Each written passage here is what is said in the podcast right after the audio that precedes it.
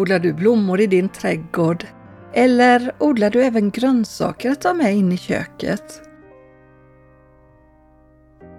Att pausa och tacka Gud för maten före en måltid blir lätt rutin utan någon djupare eftertanke. Kanske är det så för den som lever i överflöd och som kan äta sig mer än proppmätt varenda dag. Vi har slutat att känna tacksamhet över att vi får äta oss mätta. Ja, vi blir nog blinda när vi får för mycket av något.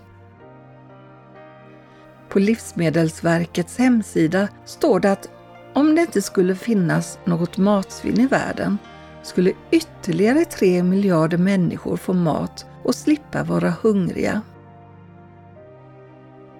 Visste du att hushållen står för den största andelen mat som slängs? Varje måltid är ett mirakel och det är dags att återupptäcka måltidsbönen igen.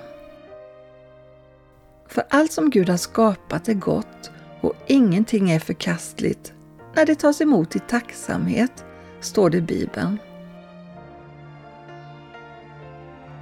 Har du funderat på hur Gud låter oss njuta av maten? Så fiffigt att låta lukt, smak och konsistens bli till glädje för oss. Och ännu roligare är det när man slipper äta ensam. Och även matlagningen är ett uttryck för skönhet, där du får möjlighet att tjäna andra. Och tänk så många människor som är involverade i processen innan du kan börja laga din mat. Att stanna upp och tacka Gud är ett sätt att förstå att vi inte är självförsörjande.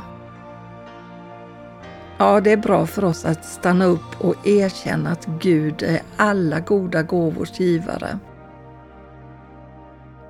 Har du hört talas om brödundret? Det var många sjuka, fattiga och svaga människor som följde Jesus.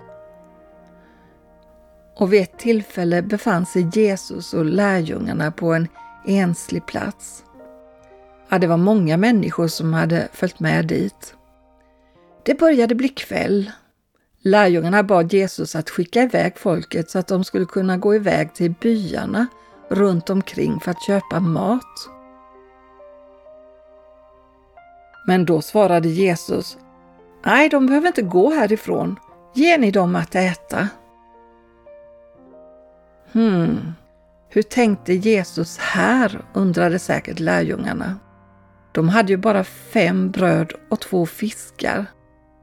Ännu mer förvånade blev de säkert när han bad dem att hämta maten till honom. Äh, vilken optimist! De skulle ju nätt och jämnt själva bli mätta med så lite mat. Men Jesus bad allt folket att slå sig ner i gräset. Och så tog han de fem bröden och de två fiskarna. Och så såg han upp mot himlen och tackade Gud. Lärjungarna tittade i spänd förväntan. Jesus bröt bröden och gav det sedan till lärjungarna som i sin tur delade ut det till folket. Trots att det var flera tusen personer samlade blev alla mätta. Ja, det blev till och med tolv korgar över. Det finns många bottnar i berättelsen. Lärjungarna sträckte fram det lilla de hade till Jesus som tackade Gud och som välsignade så att det räckte åt alla. Jesus brydde sig om människornas behov. Han sa inte Nej, de får faktiskt skylla sig själva. Vi har ingen anledning att ge dem någon mat. De ska inte snylta på oss. Får de mat så lär de sig aldrig att arbeta. Nej, han hade stor medkänsla för människorna som hade följt efter honom. Han bjöd in lärjungar i processen genom att be dem att hämta bröden och fiskarna och han tackade Gud. Guds rike var närvarande när brödundret skedde. Att hjälpa hungriga människor är en handling av medkänsla och en demonstration av Guds rikes närvaro på jorden. Det är en gudstjänst. För så här står det. Den som ömmar för den fattige lånar åt Herren och får lön av honom för det goda han har gjort. Tack gode Gud för maten. Tack gode Gud för alla människor som gör det möjligt för mig att äta mig mätt. Hjälp mig se att maten jag köper även räcker åt tiggaren utanför matbutiken eller mannen som sover på parkbänken eller den papperslösa flyktingen. Och tack för att du Jesus är det levande brödet som har kommit ner från himlen. Låt mitt hjärta aldrig bli blint för andra människors behov. Odla din medkänsla i mitt hjärtas trädgård. Amen. I have a friend who loves me as I am. He is my Lord, my shepherd, I his lamb.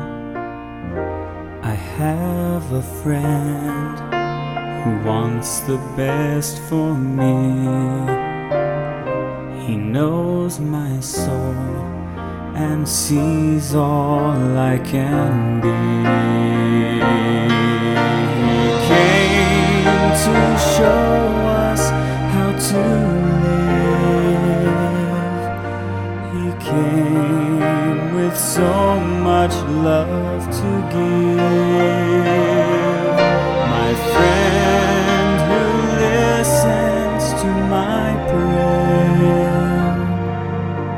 mas sei